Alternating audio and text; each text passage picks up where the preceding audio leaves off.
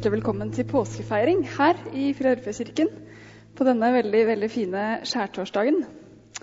Kanskje kommer du litt solbrent fra terrassen eller parken eller skiløypene eller hytta. Kanskje kommer du fordi du er på sykebesøk i Oslo og det passa seg sånn å komme innom kirken. Kanskje kommer du etter tre veldig stressende dager på jobb for å bli ferdig i tide til å ta litt fri før neste uke kommer igjen på tirsdag. Uansett så er vi her. Og det er påske, og det er skjærtorsdag. Og det er jo mange som har ganske tydelige tradisjoner knytta til påsken. Det er Kvikk Lunsj, og det er blå Swix, og det er krimgåter på melkekartongen. Og kanskje du har spist et av de 34 millionene egg vi som nordmenn skal spise denne uka her. Mye av det vi gjør i påsken, det har ikke nødvendigvis noe annet knytta til seg enn nettopp kos og hygge. Og det er veldig fint. Men akkurat egget, det betyr, og har gjort så lenge vi kan huske, skapelse og nytt liv. Og det er derfor vi er her. Og de neste dagene, sammen med kristne over hele verden, så skal vi møtes, og vi skal minnes det som skjedde i Jerusalem akkurat disse dagene for litt over 2000 år siden. Skapelse og nytt liv.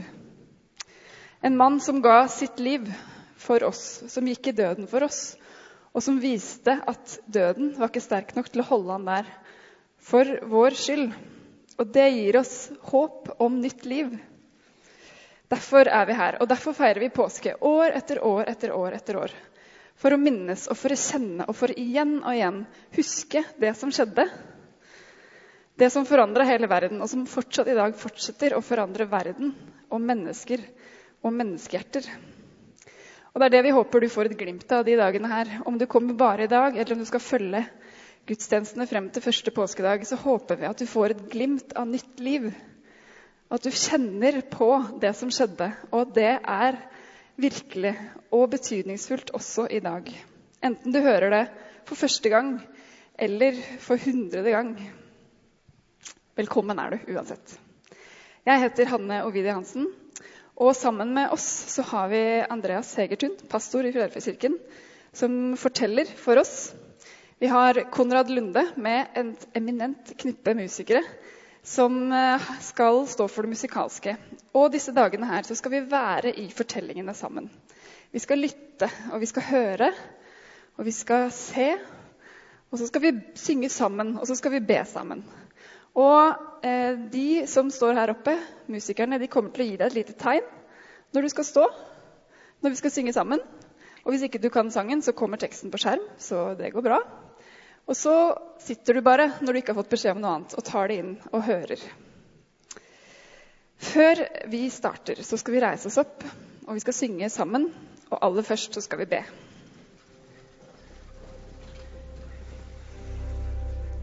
Jesus Kristus, nå er vi her. Og nå er du her. Og nå kommer vi foran deg i stor beundring, i undring, i takknemlighet.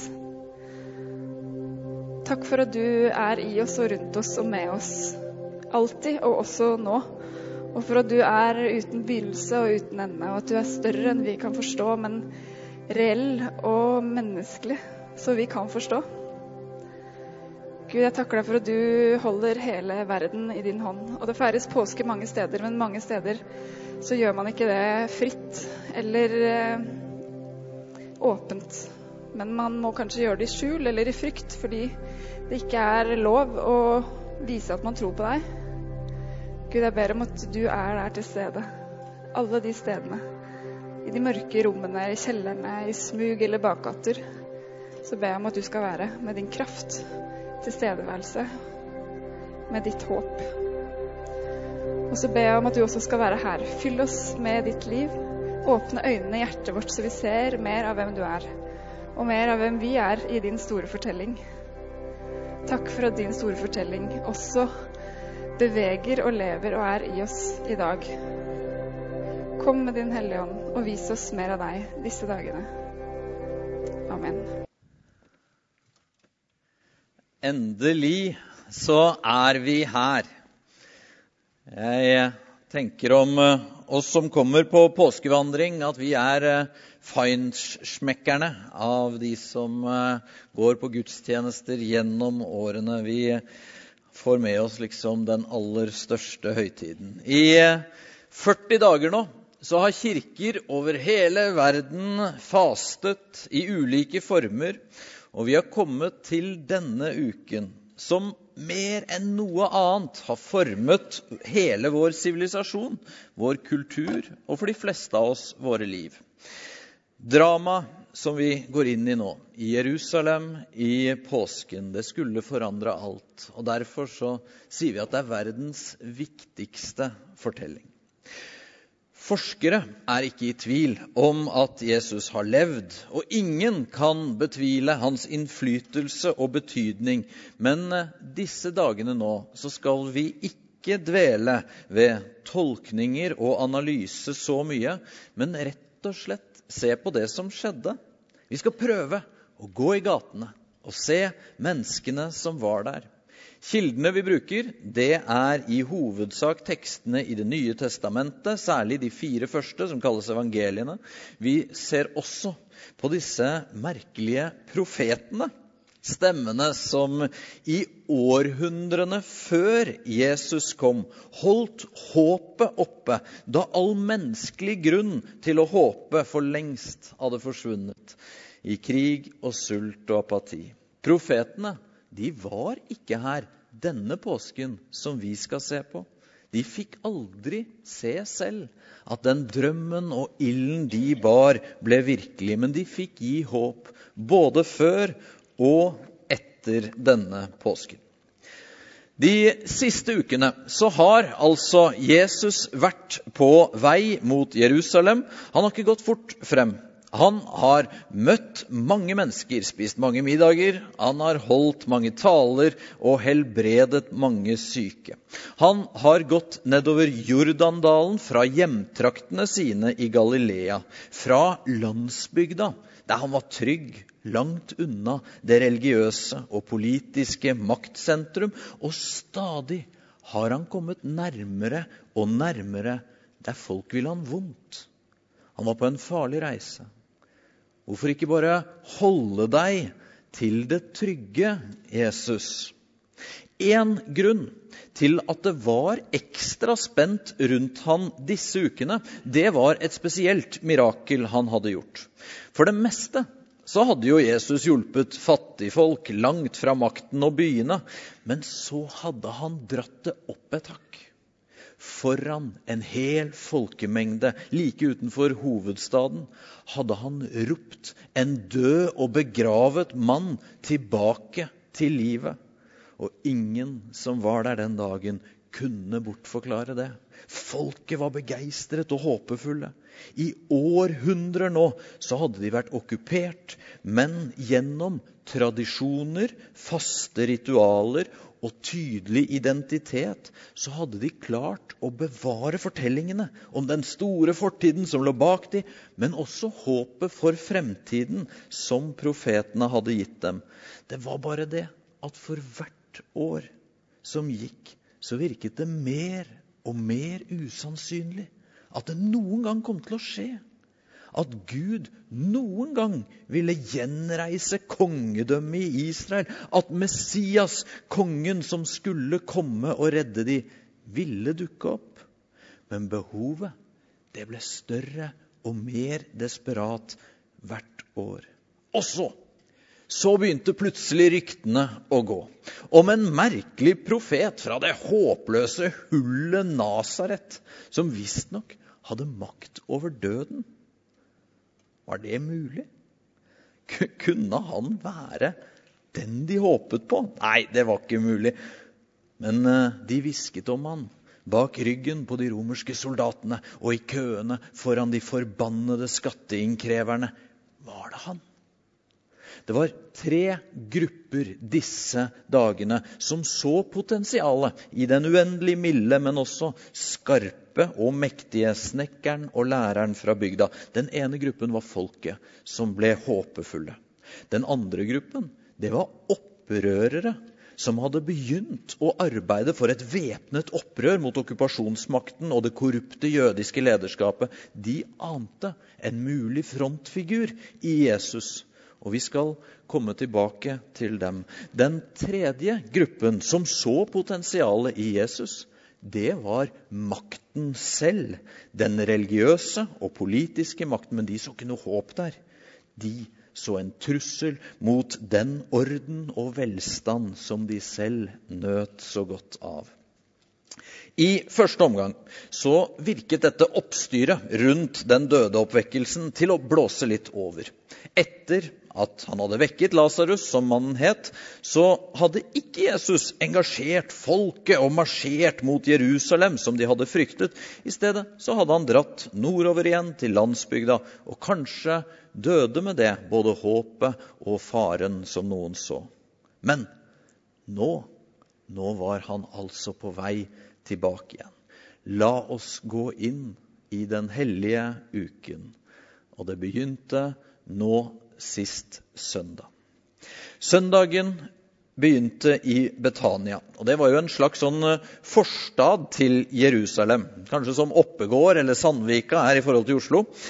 Her eh, hadde Jesus sovet over hos gode venner, Lasarus, som han hadde vekket fra de døde, og søstrene hans. Og så begynte Jesus å gå de siste kilometerne mot Jerusalem. Og her må vi ta oss tid til å beskrive byen akkurat da. Israel var jo som sagt okkupert, og jødene de bodde spredt i en stor region rundt. Men tre ganger hvert år, til påskefesten, pinsefesten og løvhyttefesten, så skulle alle komme til Jerusalem. Og det gjorde de. Enorme skarer av pilegrimer kom fra Roma og Alexandria i vest, de babylonske områdene i øst. Og se det for deg. Da de kom nært nok til at de så byen, så ble de møtt av representanter for tempelet helt oppe på Oljeberget, og så resten av veien ned Kedrondalen og opp de siste bratte stiene mot byen. Så gikk de alltid syngende sammen. Og sangene de sang, de hadde de sunget i tusen år allerede på denne tiden. Lovsangene. Vi kan finne de i våre bibler. De heter 'Sanger ved festreisende' og står i Salmenes bok. Og det skulle være lovsang. Det var ikke klagesang da. For uansett vanskeligheter så var jo Jerusalem lovsangeren kong Davids by. Og selv om knapt noen by i historien hadde sett mer elendighet og blitt så kjørt over av alle verdensriker i historien, så var det fortsatt Guds by, håpets by. Så de sang og takket mens de gikk. Da pilegrimene kom frem, så var selvsagt sentrum for deres opplevelse det mektige tempelet. På Jesu tid var dette et av Romerrikets vakre vakreste byggverk. Tempelplassen utenfor den kunne romme 150 000 mennesker det, på en gang. Det tilsvarer Petersplassen i Roma i dag. Like nord for tempelet lå den store Antonia-borgen, som romerne hadde bygget for sin legion av soldater i landet. Og vest for tempelet så lå de vakre villaene i Øvrebyen, der overprestene og den jødiske eliten bodde. Denne søndagen, mens Jesus og vennene gikk mot byen, så var den allerede full av pilegrimer, og lukten av titusenvis av offerdyr lå tungt nedover skråningen. Jesus hadde gått akkurat den samme veien før. Og mens han nå gikk, så strømmet nok minnene på fra barndommen, da han hadde gått der med foreldrene sine. Da hadde han, snekkersønnen fra lille Nasaret, måttet blunke flere ganger da han kom opp og så den strålende byen og hørte lyden av lovsangerne for første gang. Samtidig så visste Jesus der han gikk, at denne påsken ville alt bli annerledes enn alle tidligere påsker. For han visste at det han nå var på vei mot, det ville forandre alt. Jesus så på disiplene der de gikk. Han så de trofaste vennene som hadde fulgt han så lenge. Han så deres forventninger, deres håp og frykt. Og han visste at de ikke forsto. Uansett hvor mye han hadde prøvd å forklare. De hadde jo også vokst opp med håpet om Messias, frelseskongen, som jødene hver påskenatt gjennom århundrene hadde ventet på. Men det var bare det at Jesus visste at bildet folket hadde av Messias, det var altfor lite. Alle ventet og håpet på en seirende konge som skulle herske med makt. Men Jesus visste at skulle han denne påsken redde alle, så var ikke makten veien å gå. Uansett, hemmeligheten som han alltid hadde pålagt disiplene og andre som oppdaget det, at de ikke måtte fortelle noen, den var nå i ferd med å bli avslørt. Svermen av fattige pilegrimer på vei mot Jerusalem denne søndagen begynte nemlig å kjenne han igjen. Mange hadde sett Lasarus i Betania eller hørt om det, og nå, i forventningen mot høytiden, så begynte de å hylle Jesus. Og denne gangen så sa ikke Jesus hysj, sånn som han alltid hadde gjort før. Nei, han som alltid gikk ydmykt på beina, han begynte nå å ri. Ikke på en staselig hest som en vanlig konge. Nei, han satte seg på et esel.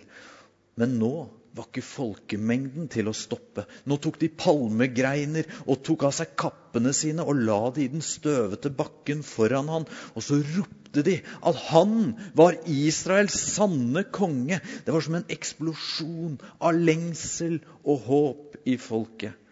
Og i jubelen denne dagen så var det nok få som så rekkevidden av det som skjedde. Men da de senere leste profetiene, så var det som de første kristne måtte gni seg i øynene. For århundrer før denne søndagen så hadde profeten Zakaria profetert. Bryt ut i jubel, datter Sion. Rop av glede, datter Jerusalem. Se, din konge kommer til deg, rettferdig og rik på seier. Fattig er han og rir på et esel, på en eselfole. Messias skulle altså komme ridende på et esel. Og her må vi si Ofte har man foraktfullt sagt at folk bare lot seg rive med denne søndagen. At det var de samme folkene som løftet palmegrener på søndag, som allerede fredagen etter forlangte hans død. Men sånn var det nok ikke. Denne søndagen på Oljeberget så var det jo Jesu egne disipler, det var naboene til Lasarus i Betania, det var alle de som hadde begynt å tro etter de hadde hørt om Lasarus eller andre ting Jesus hadde gjort. Det var de som jublet. Dette var de håpefulle pilegrimene. Nei da, de forsto ikke rekkevidden av hva de hyllet. Jesus skulle fylle en mye bredere Messias-forventning enn de hadde ant. For ja, Zakaria og flere av profetene hadde beskrevet en fredsfyrste, en konge, på fattigfolkets lave, lutende eselfole. Men selv langt inn i disippelflokken så var det en helt annen konge de ventet på. En krigerkonge som skulle gripe sverdet og kaste romerne ut. Men det var ikke den kongen som kom ridende på palmesøndag. Ikke at fredsfyrsten dermed var harmløs. Helt fra han lå i mammas mage, så hadde Maria, moren hans, sunget om han at Han støtte herskere ned fra tronen og løftet opp de lave. Han mettet de sultne med gode gaver, men sendte de rike tomhendte fra seg. Så selv om forventningen var litt smalere enn den Jesus ville vise, så levde håpet blant pilegrimene på vei til påskefeiring i Jerusalem. Var dette året det skulle skje? Var dette kongen de ventet på? De som på langfredag i morgen kom til Herodesplassen i Øvrebyen for å prøve å påvirke domsavsigelsen mot Jesus, det var derimot prestefamiliene, det høye råd og makteliten. De så på Jesus som en trussel mot sine privilegier, og det var de som ropte 'korsfest'. Men her oppover den, mot den sørlige byporten, rett mot Antoniaborgen, symbolet på romernes okkupasjonsmakt. Her tok Jesus imot lovsangen fra dem som ikke hadde noen privilegier å forsvare. Og nå kunne ikke lovsangen lenger holdes tilbake. Ikke at det som skjedde, var uproblematisk for alle som var der. Det var noen rettroende der som tenkte at nå går dette for langt. Det må være grenser for lovsang alltid noen som skal klage på lovsangen. Jesus var vant til kritikk fra religiøse, men akkurat denne dagen var Jesus nesten litt snappy tilbake. Han sa, men, men han svarte, 'Jeg sier dere, dersom de tier, skal steinene rope', for lovsangen skulle lyde denne søndagen. Om det ikke var lepper til å synge, så fikk kalde steiner gjøre jobben om nødvendig. Livets hemmelighet den dypeste meningen med livet, det er å tilbe det eneste som virkelig er verdt vår tilbedelse. Gud, vår skaper, gjennom Jesus Kristus, Guds sønn. Og når denne hemmeligheten om hvem Jesus egentlig var, først skulle briste på palmesøndag, da måtte det komme lovsang. Lovsangen Synet av tempelet, Antoniaborgen og Øvrebyen, den fylte ikke bare Jesus med glede. Ned Kedrondalen, før han kom frem til de siste bakkene opp, så ble Jesus brått overmannet av sorg, og han begynte å gråte. Akkurat samtidig som han gjorde det, så var det et merkelig møte i jødenes høye råd, som overprestene kontrollerte. Derfra hadde de allerede utstedt arrestordre på Jesus, men nå diskuterte de saken og frykten for Jesus' stigende popularitet, og om det kunne føre til opptøyer og problemer. Kaifas, som var øversteprest dette året, uttalte da noe så spesielt at det senere skulle få Johannes, som skrev det ned, til å hevde at Kaifas, øverstepresten, talte profetisk. Det er bedre at ett menneske dør for folket, enn at hele folket går til grunne. Ordene hans skulle vise seg å være profetiske. Men for det jødiske folk ble de profetisk på motsatt måte. For opp igjennom historien så har de vært med å gi grobunn til det forferdelige jødehatet. Kristusmordere har, har det blitt ropt etter jøder verden over, og særlig på vårt kontinent. Og dette så Jesus akkurat da når han kom ridende oppover. Det var ingen andre som forsto denne solfylte søndag formiddagen, men Jesus så lenger. Og derfor, midt i hyllesten, så var det gråt også. I tårene til Jesus så var det ikke straff eller dom over folket, det var medlidenhet. Om det bare hadde fantes en måte å unngå det som lå foran. Knappe 40 år senere så skulle Jerusalem bli knust. Ikke fordi de korsfestet Jesus, men pga. militante opprøreres frigjøringskamp mot en romermakt som alltid slo grusomt tilbake. Men denne dagen så gledet Jesus seg over lovsangen, over barna som danset. Men han gråt også ved synet av sin elskede by. For én dag var Jesus konge. Men han visste samtidig at det var ikke sånn her han skulle bli konge. Det var et beger å drikke først. Det var en pris å betale. Og aldri hadde noen gått mot en høyere pris enn den fattigfolkets konge på eselet gjorde denne søndagen. Måtte vi alle få nåde til å gjenkjenne Gud, også når han ikke kommer som vi forventet barna som danset med palmegrener denne dagen, de visste ikke at de var med å oppfylle eldgamle profetier og forandre verden. De ga bare sin intuitive respons på Jesus. Og skal vi allerede nå gjøre det også? Skal vi Det var søndagen mandag så var Jesus i kamphumør. Han hadde sovet igjen hos vennene sine i Betania, og på veien inn i byen over Oljeberget så kom han forbi et fikentre. Kanskje var Jesus bare sulten etter litt for lite brød og tørket frukt til frokost. I alle fall så gikk han til treet for å se etter litt tidligmoden fiken. Men han fant ingen. Og Jesus, som så ofte hadde gjort mirakler til liv og håp, han kom da med et skikkelig domsord. Da sa han til treet, 'Aldri mer skal noen spise frukt av deg.' Og straks visnet treet. Det røyk av Jesus den morgenen her. Så kom de til tempelplassen. Der yret det av titusenvis av mennesker som hadde kommet for å feire og be. Men for å få gjøre det, så måtte alle først betale en generell tempelskatt, og så i tillegg så måtte de kjøpe sine offerdyr. Og det religiøse lederskapet hadde ordnet det så smart at i tempelet så aksepterte de bare én myntenhet for det her, og det var sølvmynter fra Tyrus, og de fikk man tilfeldigvis bare tak i gjennom å veksle i de hos de offisielle pengevekslerne, og de ga elendige kurser. Og til offerdyr så skulle man jo ha lam. Men de fattigste de kunne slippe unna med to duer å ofre. Det var bare at disse også måtte kjøpes av de offisielle bodene.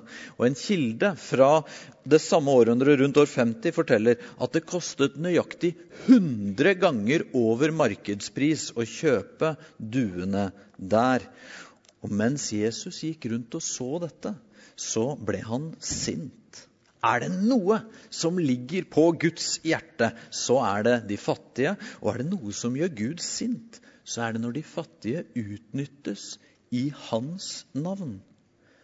Det har alltid skjedd, og det skjer fortsatt, der det loves mirakler mot betaling fra minstepensjonister og syke. Plutselig så gikk Jesus til angrep. Han veltet bordene, og han jaget vekk disse som vekslet penger og solgte duer. Og mellom tempelsøylene så hører vi han denne mandagen rope ord som er lånt både fra profeten Jeremia og Jesaja når han sier Mitt hus skal være et bønnens hus, men dere har gjort det til en røverhule.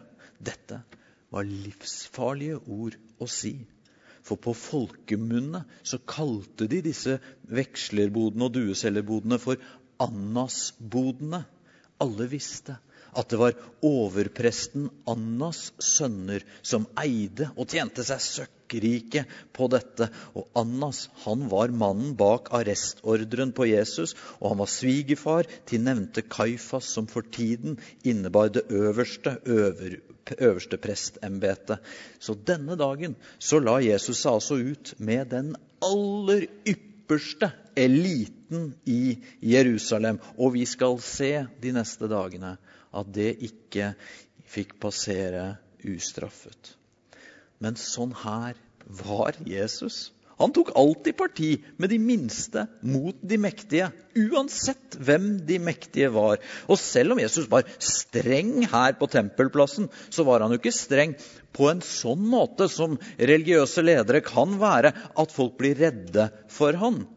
For eh, tvert imot, når selgerne trakk seg tilbake den dagen, så kom de trengende frem, blinde og lamme og Jesus helbredet de der på tempelplassen helt gratis. Så mandagen, det var dagen der Jesus gjorde profetiske tegnhandlinger, avsa dommer, forsvarte de fattige og helbredet syke. Han handlet som Messias den mandagen. Tirsdag det ble dagen der Jesus håndterte de intellektuelle og særlig teologiske innvendingene han møtte. Jesus besto tirsdagens test gnistrende. Igjen så kom han på tempelplassen, og nå var han blitt en skikkelig sensasjon og snakkis der. Hva tror du? Er han virkelig Messias? Denne dagen så gjorde han ikke mirakler eller symbolhandlinger. I stedet så satte Jesus seg ned og gikk inn i den klassisk rabbinske rollen. Altså, han var en lærer. De pleide ikke, rabbinerne, å ha lange monologer, sånn som vi gjør her. Han, de svarte på spørsmål og fortalte historier og sånn. Og det var det Jesus gjorde her også. Eh, de første som kom på tirsdag, det var eliten.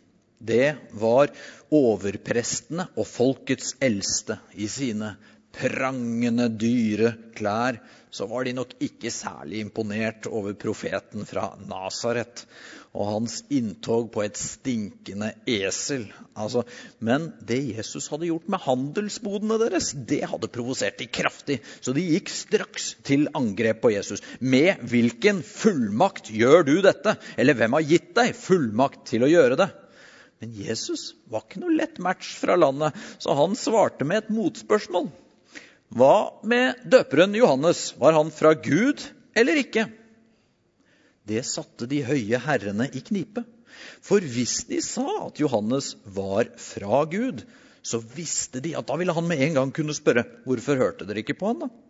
Men hvis de svarte at han ikke var fra Gud, så ville de få store problemer med folkemengden som flokket seg rundt dem. For folket de hadde sett så mye korrupt lederskap at de var sikre på at martyren Johannes han hadde vært fra Gud. Så forbitret svarte derfor overprestene Jesus at vi vet ikke om han var fra Gud. 1-0 Jesus. Så gikk Jesus videre og fortalte lignelser og historier, og alle ble målløse av hvor smart og modig han var. Overprestene de fant til slutt ut at her var det bedre å trekke seg tilbake enn å miste enda mer ansikt mot denne fantastiske retorikeren. Jesus han ga rett og slett eliten en kald skulder denne formiddagen. Da var det faktisk annerledes med den neste gruppen som kom. I motsetning til hva mange tror, så var fariseerne mye nærmere Jesus enn de fleste andre. Vi er vant til å tenke, hvis du har vært i kirke eller gått på søndagsskole, at fariseerne er erkefienden til Jesus. Men det er litt som at av mine to brødre så har jeg krangla mye mer med Kristian, som bare er ett år yngre, enn Nikolai, som er fem år yngre. Han er jo fortsatt baby. Altså, Vi krangler mye mer med de som er nær oss, enn de som er i en helt annen verden. Jesus begynte faktisk denne dagen med å bekrefte fariseerne. Han sa folk burde høre på fariseerne. Men så la han Ramsal til, men ikke gjøre som dem, for de er hyklere. Likevel, i alt som skjedde herfra og ut i denne uken, så var fariseerne fraværende. Det var ikke de som drev på for å få Jesus dømt. Det var overprestene og Det høye råd. Blant disse overprestenes parti, sadukeerne, datidens liberalteologer. Og de kom også denne dagen. De konfronterte Jesus med en av sine hovedsaker, at de ikke ikke trodde på et liv etter døden.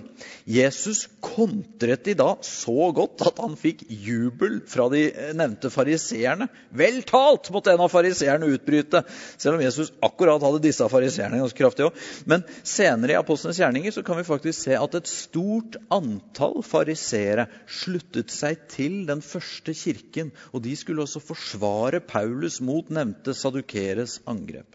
Så hele tirsdagen gikk til at Jesus svarte på spørsmål.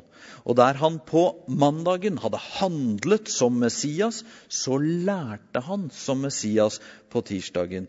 Til noen tilreisende grekere for eksempel, så sa han hvis ikke hvetekornet faller i jorden og dør, blir det bare det ene kornet. Men hvis det dør, bærer det rik frukt. Igjen og igjen sa Jesus, Messias er ikke som en vanlig konge. De gamle profetene snakket ikke om to ulike personer når de sa én Messias, kongen, og én lidende tjener. Det er den samme. Han er den samme. Jeg er den samme, sa Jesus. Og da det til slutt gikk mot kveld, tok Jesus med seg vennene ut av byen igjen. Og idet disse bygdegutta gikk ut byporten, så snudde en av de seg og så opp på tempelet i kveldssolen, og så sa han, 'Mester, se, for noen steiner, for noen byggverk.' Da svarte Jesus trist, 'Ja, ser du disse storslåtte bygningene? Her skal ikke bli stein tilbake på stein. Alt skal rives ned.' Og på veien tilbake til Betania så stoppet de under et fikentre på Oljeberget. Og der underviste Jesus bare disiplene om de siste tider. For Jesus så ikke bare denne uken. Han så at det han skulle gjøre denne uken, ville bli oppfylt helt når han kom tilbake og skal gjøre alt rett og helt igjen. Så i skumringen på Oljeberget der profetene hadde sagt at Messias skulle stå frem, der gikk tirsdagen mot slutten. Onsdag. Onsdag ble en roligere dag. Det var stille før stormen. Jesus og disiplene slappet av i Betania. Og Jesus forberedte seg til det som nå nærmet seg. Men kvelden var vakker og lys, og vennene dro sammen på fest. Simon, en av de spedalske Jesus sannsynligvis hadde helbredet, han inviterte, og huset var fullt av folk. Mens stemningen i Jerusalem var spent etter alle konfrontasjonene og tegnhandlingene, så var stemningen hos Simon lykkelig og forventningsfull. De spiste og sang. Sannsynligvis sang de en av de mest populære av salmene som hørte til i disse dagene mot påskefesten. Se hvor godt og vakkert det er når brødre bor sammen. Det er som den fine oljen på hodet når den renner ned i skjegget, Arons skjegg, ned over linningen på kjortelen. Men så skjedde det noe rart. Plutselig sto en dame foran Jesus og holdt frem en brunaktig parfymeflaske med svindyr indisk nardussalve. Foran gjestene så knakk hun halsen på krukken, og så tømte hun innholdet over Jesus. Sangen stilnet, og alle så forskrekket på. Noen av disiplene som var fra Sunnmøre, de begynte å protestere mot sånn sløsing. Men eh, Jesus stoppet de. I et øyeblikk så var det som om Jesus var tilbake på den sommerdagen for så lenge siden, da han hadde stått i sin egen hjembygd Nasaret, i synagogen, og sitert profeten Jesajas ord. Herrens ånd er over meg, for han har salvet meg for å forkynne et godt budskap for fattige. Forkynne, det hadde han saktens gjort. Spredt glede og håp, det hadde han gjort, og særlig for fattige. Men salvet som konger ble, og som Messias skulle være Messias betyr jo 'den salvede'. Det hadde han ikke blitt før denne siste kvelden før kvelden. Og Derfor så stanset Jesus all kritikken og sa at det denne dama har gjort, det skal for alltid fortelles rundt i verden. For hun er den eneste som har forstått at Jesus måtte jo salves. Ikke salves til livet sitt, ikke for de lyse, gode dagene. Men hun hadde hørt så nøye etter på det Jesus faktisk hadde sagt, at hun forsto og hun salvet han til hans egen begravelse. Så deilig at det var en som skjønte hva han trengte i denne aller tøffeste uken. Så deilig at rett før smerten så kom festen og gleden og latteren og den deilige lukten. Med hendene og håret og tårene sine. Så viste hun denne kvelden i Betania hvem som var hennes Messias. Og klok som hun var, så gjorde hun det der og da. Senere denne uken så skal det komme andre damer med olje for å salve Jesus. Men de kom for sent. Tilbe Jesus mens du kan. Ikke tenk at du skal vente til en bedre anledning. Til du er sterkere, tryggere, renere. De ting er mer på plass i deg og rundt deg. Tilbe Jesus nå. Noen av gjestene måtte da vel, da de la seg den kvelden, ha tenkt på ordene i høysangen, en av de skriftrullene som jødene alltid leste i påskefeiringen, der det sto Når kongen er hos meg, dufter nardussalven min. Kongen var på festen i Betania, men det var bare én som tilba han. Og så var det senere bare én som forlot festen hos Simon før alle de andre. En som tok veien over Oljeberget og ned Kedrondalen og opp til den øvre, fine delen av Jerusalem. Der fant han nølende fram til de vakre villaene til øversteprest Kaifas store familie. Denne kvelden hadde overprestene akkurat bestemt seg for at de ikke ville ta sjansen på å arrestere Jesus nå midt under påskefeiringen. De ville vente til rett etterpå for at ikke det skulle bli noe bråk. Men nå kunne overprestene plutselig gi hverandre high five, fordi denne Jesus måtte være svakere enn de hadde trodd. For her utenfor i kveld sto plutselig en av hans egne, Judas Iskariot klar til å forråde sin mester. Men la oss ikke være for raske til å dømme noen. Hvem var Judas? Etternavnet hans hinter om at han hadde vært en del av opprørsgruppen selotene. Radikalerne som virkelig hatet romerne, og som ville bruke ethvert tilgjengelig middel, også vold, for å bli kvitt dem. Litt Milorg eller Gutta på skauen. Da Judas noen år tidligere måtte ha forlatt sine kampfeller hos selotene, så var det kanskje fordi han forsto at denne gruppen, galileere, som han nå ble en del av, de bar på en hemmelighet. Jesus var den Messias som folket hadde ventet på. Snakk om å komme på rett sted for en opprører! Her skulle det bli revolusjon. Men de siste dagene hadde Judas nok blitt dypt skuffet. Han skjønte ikke dette med at Messias også skulle være en lidende tjener.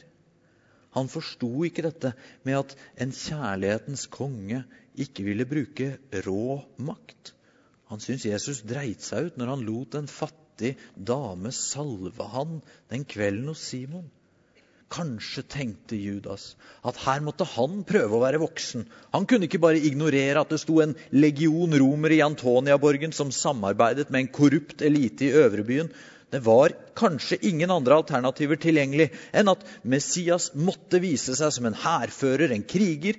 Og om han ikke skjønte det selv, så fikk Judas trekke i noen tråder. Det er ikke helt usannsynlig at Judas denne kvelden prøvde å spille høyt og gå inn som dobbeltagent for å få en konfrontasjon mellom makten og Messias, mellom soldatene og snekkeren, Kaifas og Kristus. Fordi da ville Jesus enten bekrefte hvem han var, og knuse soldatene, eller Jesus ville tape, og i så fall hadde Judas i det minste reddet seg selv ved å hoppe av i tide. Så her sto Judas denne kvelden, på bortebane i den fine bydelen, og meldte seg til tjeneste for øversteprestene. Han som til da hadde hatt den betrodde stillingen, som ansvarlig for pengene til Jesus og disiplene. Han som dagen etter, under påskemåltidet, skulle få æresplassen ved siden av Jesus. Han sto her og gjorde sin livs tabbe. Men på hver sin måte denne onsdagskvelden så bidro både dama med salveoljen og Judas Iskariot til å åpne påskens aller største drama.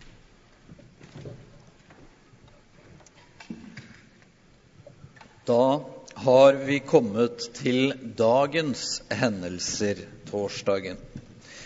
I dag var jo dagen endelig kommet.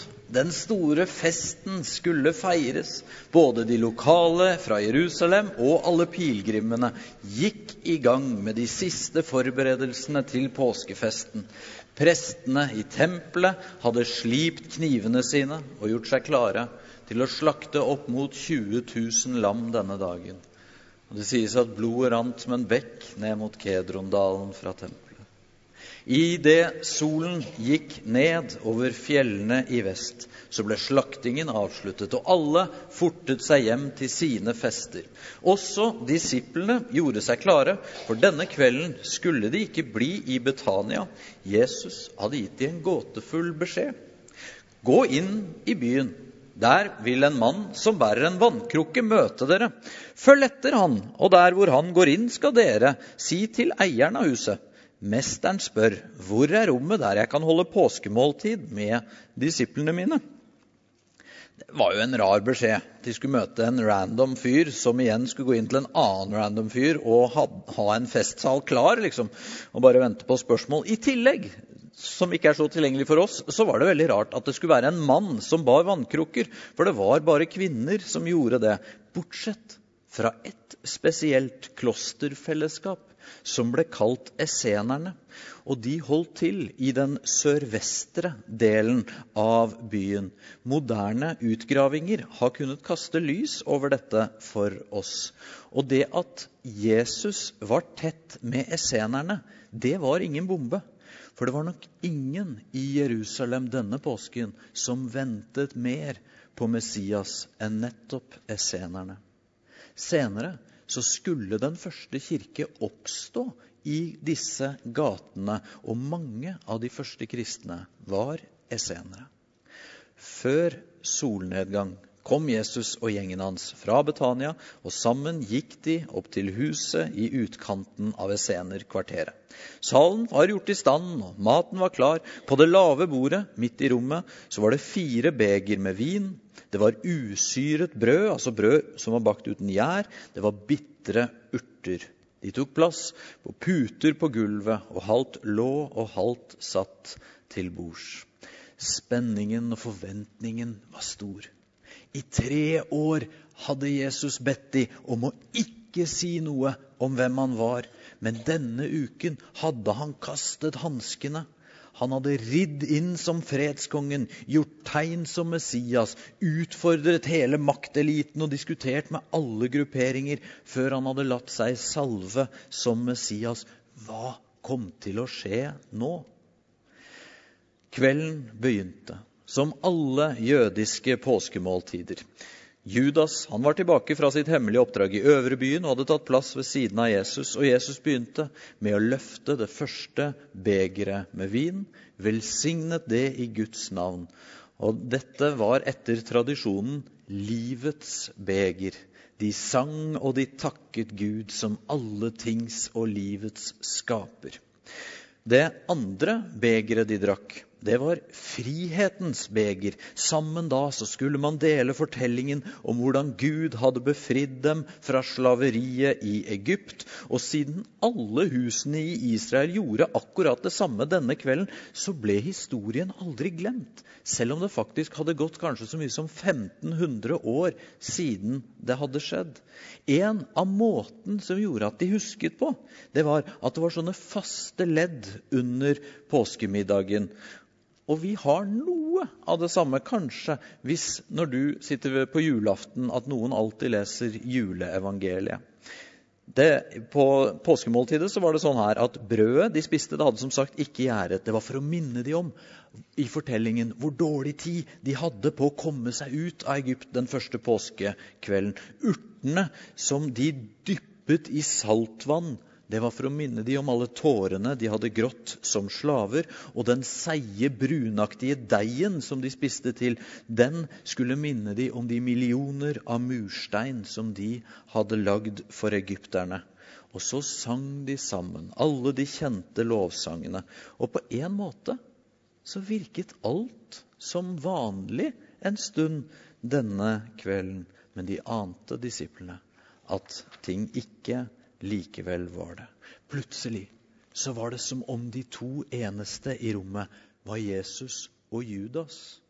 Og nå var det ikke lenger plagene i Egypt, men plagene som snart skulle ramme Jesus, som trådte frem.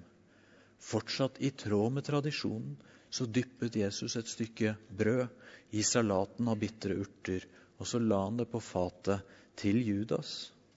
Og Judas som foraktet tanken om den lidende Messias, han lot Jesus sitte med smerten. Det var akkurat dette øyeblikket som Paulus fanget opp da han senere skrev I den natt da Herren Jesus ble forrådt, tok han et brød, takket og brøt det. Jesus satt der og visste hva Judas hadde gjort i øvrebyen kvelden før. Men nå delte han brødet med han. Til det siste kjempet Jesus for Judas' sjel. Han advarte han, og siden kjærligheten er tålmodig, sier Bibelen, så ga han han en siste mulighet til å angre og snu. Han pekte på konsekvensene, men ingenting hjalp. Det var for sent. I stedet reiste Judas seg brått opp og gikk ut.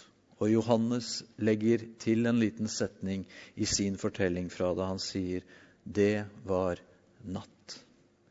Og natt, det var det også i Judas.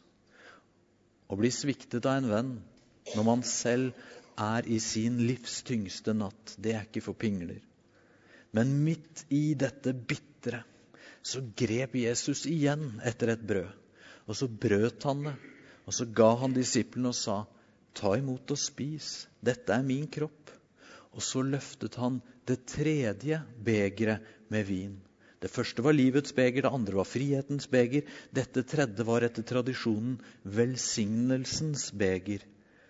Og her skulle Jesus for første gang denne kvelden avvike fra den tradisjonelle jødiske påskefeiringen. For nå takket han Gud, og så ga han de andre, men sa, 'Drikk alle av det, for dette er mitt blod.' Paktens blod som blir utøst for mange, så syndene blir tilgitt. Disiplene så på hverandre.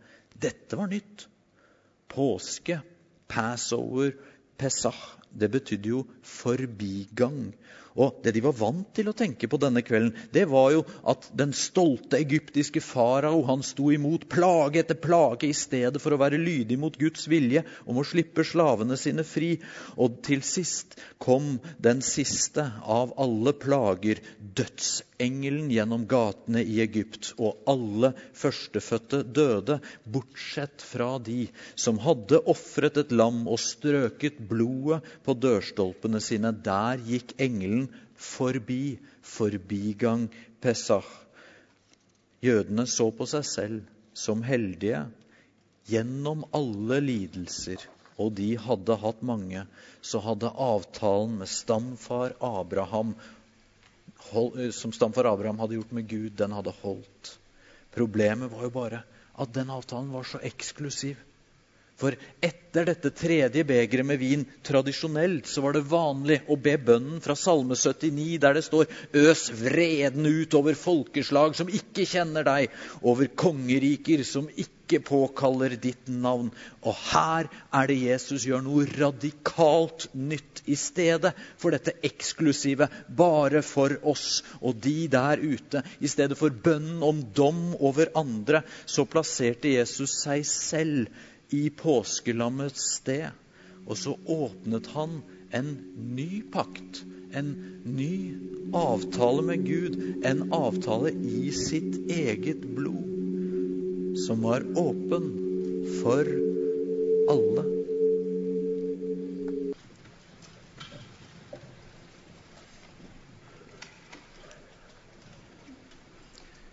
Jesus Kristus, på samme måte som på den første skjærtorsdagen ga sin kropp og sitt blod, så har vi fått motta det. La oss leve frimodig i det. Dimensjonene i påskemåltidet denne kvelden, det skulle jo uten å overdrive forandre verden for alltid. Pakten ble utvidet fra å være Guds pakt med Abraham på vegne av israelsfolket til å være Guds pakt med alle gjennom Jesus Kristus.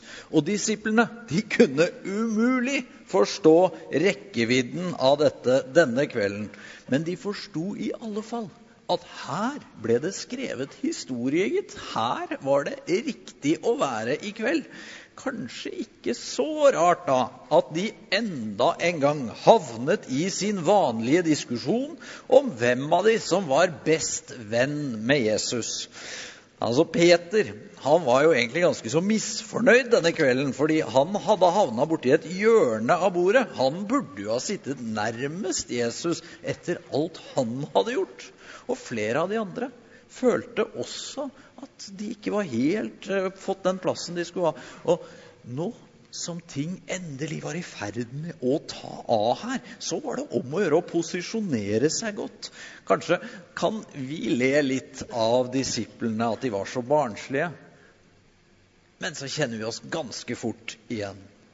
Får jeg egentlig den anerkjennelsen jeg fortjener?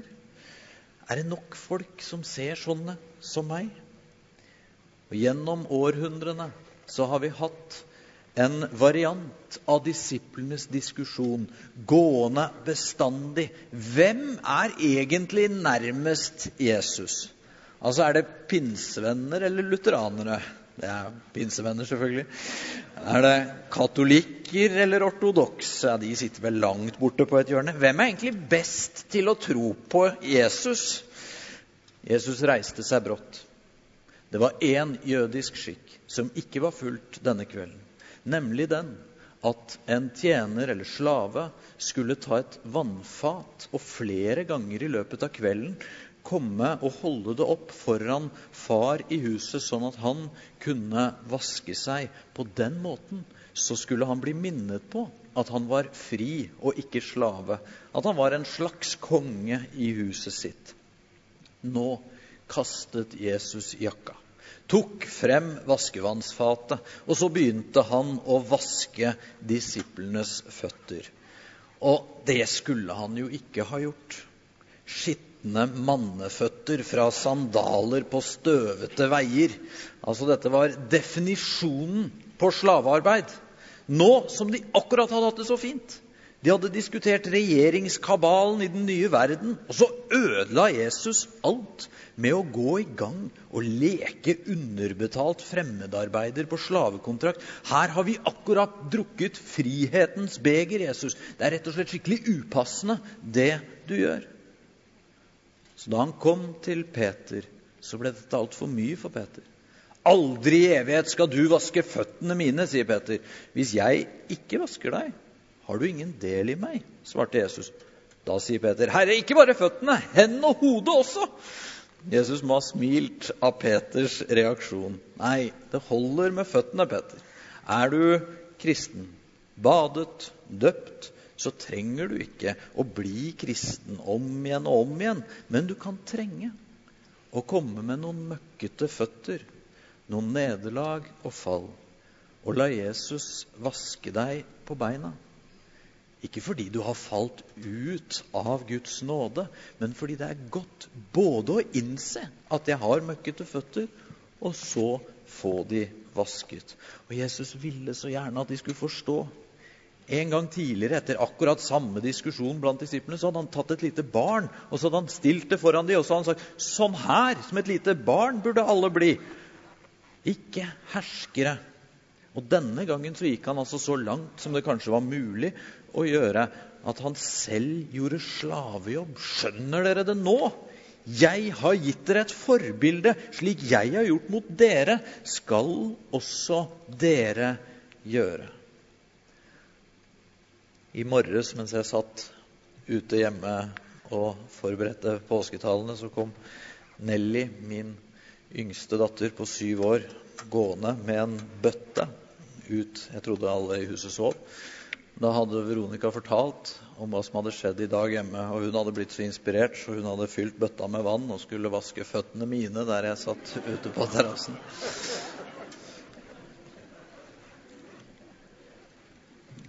Mens, eh, mens Jesus vasket, så begynte han å holde en av sine inderligste taler til vennene sine. Straks var tiden ute nå. Og han ville gjøre det så enkelt og klart som bare mulig, sånn at ikke de skulle gå seg bort i kompliserte diskusjoner om teologi eller regler eller systemer. ett nytt bud gir jeg dere. Dere skal elske hverandre. Som jeg har elsket dere, skal dere elske hverandre. Er det klart nok? Så var det som om Jesus fikk dårlig samvittighet for at han skulle forlate vennene sine. Så han ga de et løfte. Uansett hvor alene de noen gang kom til å føle seg, hvor mye de ville stå med ryggen mot en vegg og med problemer som gribber og fjell over seg, så ville han ikke svikte dem. Jeg lar dere ikke bli igjen som foreldreløse barn. Jeg kommer til dere. Snart ser ikke verden meg lenger. Men dere skal se meg, for jeg lever, og dere skal også leve. Jeg lever selv om jeg dør. Så skal jeg leve. Og jeg forlater dere ikke, for Guds ånd er hos dere. Min eh, svoger Mathias er, han ligger 25 år gammel på Ullevål denne uka og mottar cellegift. Og nå i helgen som gikk, så fortalte han at midt i det så opplever han Gud som nær. Fordi det Jesus sa til disiplene denne kvelden, det har han tenkt å holde i all evighet. Og Deretter så så Jesus litt lenger frem. Og så sa han på kort sikt så kommer dere til å bli veldig lei dere. På kort sikt så kommer dere til å møte vanskeligheter. Men jeg skal se dere igjen, og hjertet deres skal glede seg. Og ingen skal ta gleden fra dere. En dag så skal gleden være uten skår, uten sår, uten savn. For da er vi sammen igjen. Denne middagen, den er en forsmak. Neste gang så spiser vi den sammen i Guds rike. Jesus sa aldri mer skal jeg spise påskemåltidet før det blir fullendt i Guds rike. Og til slutt så løftet Jesus blikket og så ba han en mektig bønn. En bønn som aldri hadde blitt bedt før, og som enda ikke er oppfylt, men som fortsatt gir gjenlyd i vår konfliktfylte verden. Bønnen som alltid skal drive oss til å holde søskenkjærligheten brennende. Må de alle være ett. Slik du, far, er i meg og jeg i deg. Slik skal også de være i oss, for at verden skal tro at du har sendt meg. Den herlighet som du har gitt meg, har jeg gitt dem, for at de skal være ett. Slik vi er ett, jeg i dem og du i meg, så de helt og fullt kan være ett. Og da skal verden skjønne at du har sendt meg, og at du elsker dem sånn som du har elsket meg. Midt i dette, historiens mest avgjørende og hellige måltid, der følelsen har svingt mellom triumf, fremtidshåp og frykt og svik, så ga Jesus vennene sine to, de to viktigste kjennetegnene på et sant kristent fellesskap. Og Det ene er det enkle budet om å elske, og det andre er bønnen om å være ett. Jesus ga to våpen, nå som han visste at tiden hans rant ut. Ikke nidkjærhet, rettroenhet, smarthet, kjapphet, men kjærlighet og enhet. Elsker dere og forblir ett med alle Guds barn. Hvem kan ta dere da? Brått avbrøt Jesus nå måltidet og sa, nå må vi gå. Det var som om han ante at Judas og soldatene var på vei, og at han hadde noe mer han skulle ha gjort først. Så de drakk det fjerde glasset med vin, håpets beger, som det kalles.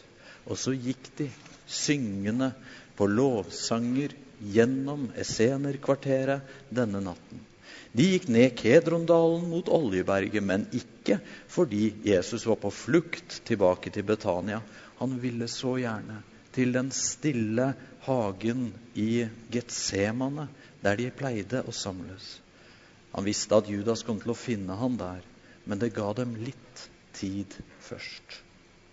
Jesus han hadde ridd inn som Messias denne søndagen.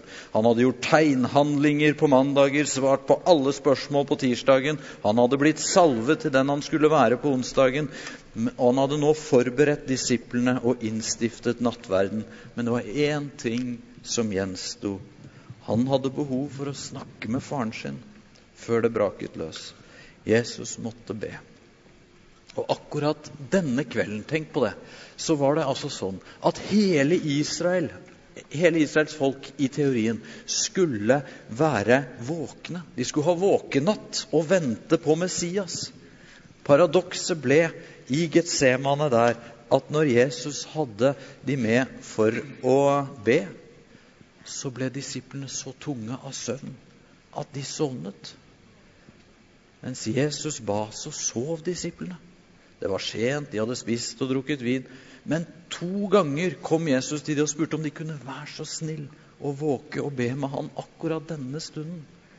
Tenk hvor mange ganger senere disiplene må ha spurt seg selv hvorfor klarte vi ikke å være våkne akkurat da. De sovnet igjen, og Jesus var alene. Han var livredd.